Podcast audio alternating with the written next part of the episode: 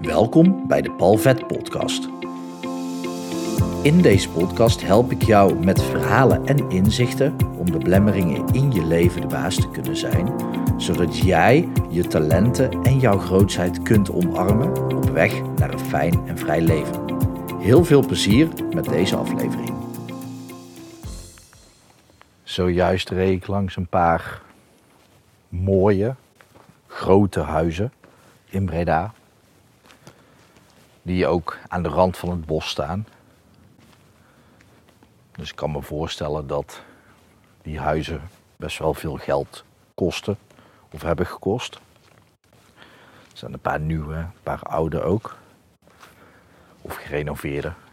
Dat weet ik natuurlijk niet precies. En dat deed me even terugdenken aan, ja wat zal het zijn, een jaar of tien geleden. Dat ik daar wel eens voorbij reed. En dat ik de gedachte had van, hmm, misschien moet ik gewoon bij al deze huizen eens gewoon aanbellen. En vragen, hey, heb je tips voor mij als ik ook uiteindelijk in zo'n huis zou willen kunnen wonen? Of heb je tips voor mij om aan veel geld te komen? Of hey, hoe heb je dit gedaan? Alleen ja, ik deed dat nooit, want ja, was dat niet een beetje stom om te doen? Is dat niet heel raar om te doen? Allerlei blokkades. En nu reed ik daar dus weer voorbij en dacht ik aan dat moment van tien jaar geleden. En in de tussentijd heb ik Think and Grow Rich gelezen. Waar basically um, in de basis gewoon hetzelfde is gedaan. Namelijk, ik weet niet hoeveel, 25 of 100 superrijke mensen geïnterviewd. En de successen daarvan, hoe zij die rijkdom hebben vergaard. Ja, dat is door middel van interviews is dat verzameld in een boek. De basisprincipes naar die rijkdom is daarin onderzocht. Supergoed boek geworden natuurlijk. Een soort van almanak. Maar ja, tien jaar geleden kende ik dat boek nog niet. En daar is dat dus gewoon in gedaan.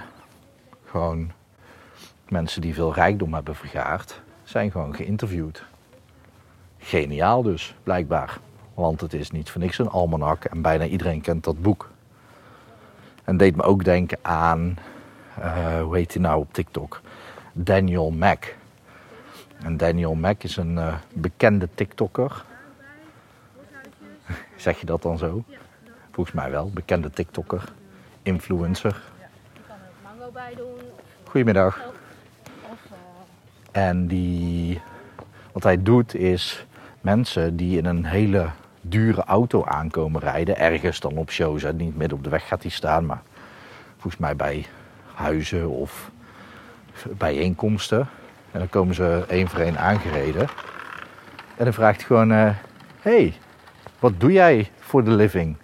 Zo, wat is je baan eigenlijk? En dan krijgt hij allerlei antwoorden.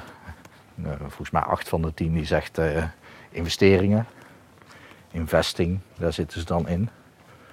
Maar sommige ook in andere dingen. Sommige zijn dan uh, sportschool-eigenaar of ze hebben een product ontwikkeld of, of zaten op tijd in de crypto. Nou, dat soort dingen. Maar hij heeft dat dus ook gewoon gedaan. En tien jaar geleden had ik dat idee dus.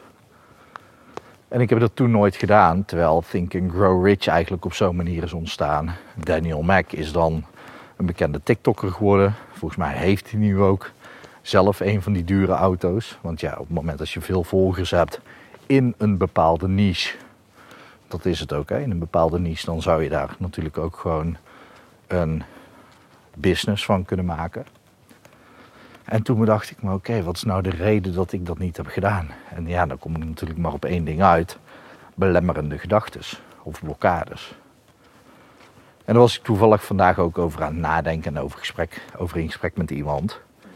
Over, ja, waarom lukken bepaalde dingen niet in je leven?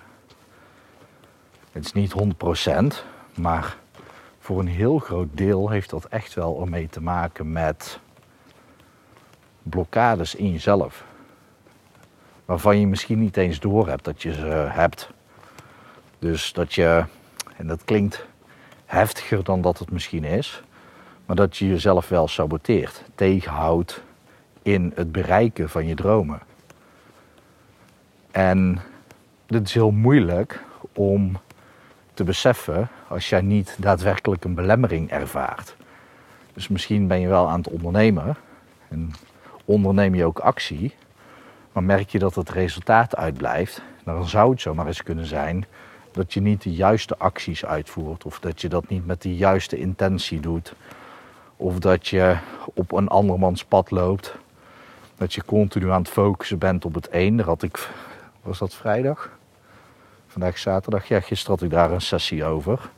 Dat iemand continu op één, in één context aan het ondernemen was.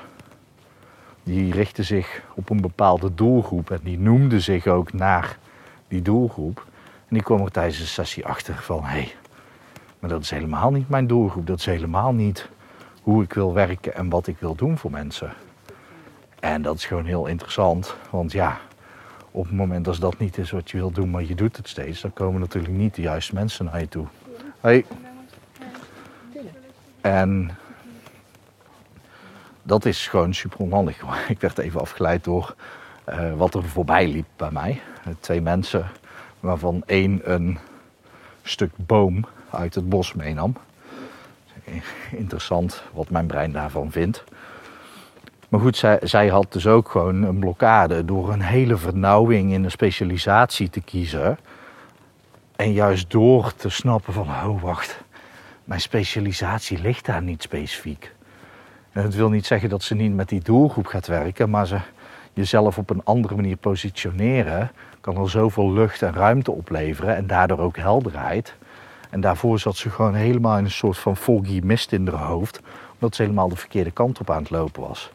En dat was ontstaan door een belemmering in zichzelf. Gewoon een vastberadenheid van, ja nee, dit is de weg, want anders mislukt het, anders werkt het niet. Nou ja, dat blijkt dus helemaal anders te liggen. Maar zo'n belemmering, die ervaar je dus alleen maar um, ja, doordat resultaten bijvoorbeeld uitblijven. Als je een ondernemer bent of als je een sporter bent. Ik zeg er dus bij dat dat niet 100% is, want zoals mijn vader altijd zegt, je hebt een vingerhoedje geluk nodig. Dat speelt natuurlijk ook mee. Soms moet je op het juiste moment op de juiste plaats zijn. Dat ook. Net zoals als je in de crypto was ingestapt acht jaar geleden, zeven jaar geleden. Dan had je nu veel meer vermogen opgebouwd dan wanneer je nu gewoon in de crypto stapt. Maar goed, als je nu in de crypto stapt, ik vraag me af, hè, hoeveel vermogen heb je dan over 7, 8 jaar? Goed, dat even terzijde. Maar soms heb je dus blokkades in jezelf, waardoor jij bepaalde acties wel of niet doet of op een onhandige manier doet, waardoor resultaten uitblijven. En als je dat bij jezelf merkt, dat je wel acties uitvoert, maar merkt, eigenlijk merkt van ja, het is een beetje trek aan een dood paard, dan zou er zomaar eens een belemmering in jezelf kunnen zitten die jou ervan weerhoudt om die actie uit te voeren. Bij mij was dat dan tien jaar geleden bij het langsgaan van die huizen. Van ja, wat vinden ze daarvan? Dan vinden ze me raar. Of, nou ja, dat eigenlijk. Dat, want ik durfde ook niet verder te denken. Want ja, wat nou als ik aanbel en iemand vindt me raar? En ga ik naar de volgende en vindt die me ook raar? En die geeft geen antwoord, hè? want raar vinden en antwoord geven is natuurlijk ook goed. Maar als ze me allemaal de deur wijzen en me zelfs gaan achtervolgen van hé, hey, wie is die rare man? En uh, als hij aanbelt bij de buren, dan bel ik de politie. Uh, wat natuurlijk echt heel raar zou zijn, hè? Maar goed, dan zouden zij een raar gedrag vertonen. Maar dan had ik altijd nog na tien huizen kunnen zeggen: Oké, het werkt niet. Maar ik heb het niet eens geprobeerd. En ik heb niet eens verder gedacht daarover. Dus het was gewoon een belemmering in mezelf. Wat best wel zonde was. Want als ik een reeks van podcastopnames had opgenomen over gesprekken met die mensen, nou, ik denk dat dat best wel eens een interessante materie had op kunnen leveren. En misschien nog hoor. Dus uh, het zaadje is weer geplant en ik ga er eens over nadenken of dat, dat misschien nog een leuk idee is. Ik denk momenteel van niet, maar goed, dat uh, zal ik je niet mee vermoeien. Ga bij jezelf eens na van hey, merk je dat er iets uitblijft? Iets wat je wel voor, voor elkaar zou willen krijgen? Iets wat je zou willen zien in je leven waar je je best voor doet, maar het komt niet? Ja, dan zou het zomaar eens kunnen zijn dat er een blokkade zit. En ga dan bij jezelf eens na van hé, hey, welke blokkade is dat? Wat zit daaronder waardoor het niet lukt? En wees dan eens gewoon goud eerlijk naar jezelf. En durf ook eens te denken van hé, hey, als ik nou stop met datgene. Dan bedoel ik niet met je business, maar met de richting of met de manier. Wat voor gevoel geeft je dat?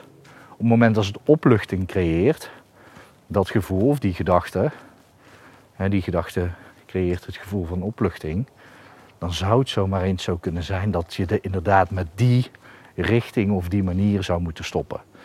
Doe dat dan niet meteen. Door dat te weten, weet je ook, oké, dan is er dus een andere manier die wel voor me werkt. En dan moet je daar naar op zoek. En dat kan met hulp, met behulp van natuurlijk mij. Maar dat kan je ook gewoon zelf gaan onderzoeken door gewoon dingen te gaan proberen. Dat is het meer dan waard. Want op het moment dat jij dus dingen uitvoert en je merkt dat het zoveel kracht of energie kost, ja, dan is dat gewoon super zonde. Terwijl er waarschijnlijk ook manieren zijn zonder dat het kracht of energie kost. Ik hield even stil, want ik dacht dat ik uh, Henk het hert zag. Maar uh, het was uh, Bert de Boomstam, volgens mij. Geen idee waarom ik die namen gebruik. Maar goed, het allitereert lekker. Dus ga bij jezelf eens na van, hey, lukt er iets niet? En als datgene wat niet lukt, als je dan denkt aan stoppen daarmee, wat voor gevoel geeft je dat? Is dat opluchting? Dan is dat informatie en, vanuit daar kun je verder. Dan weet je, oké, er moet iets veranderen. En dan ga je veranderen en dan ga je onderzoeken en dan kom je weer in beweging en dan merk je, oké, hier stroomt het wel. Nou ja, top. Ik zou zeggen, succes daarmee. Ik hoop dat het goed met je gaat. Ik hoop dat het goed gaat met dierbaren van je. En ik wens je nog een mooie dag toe.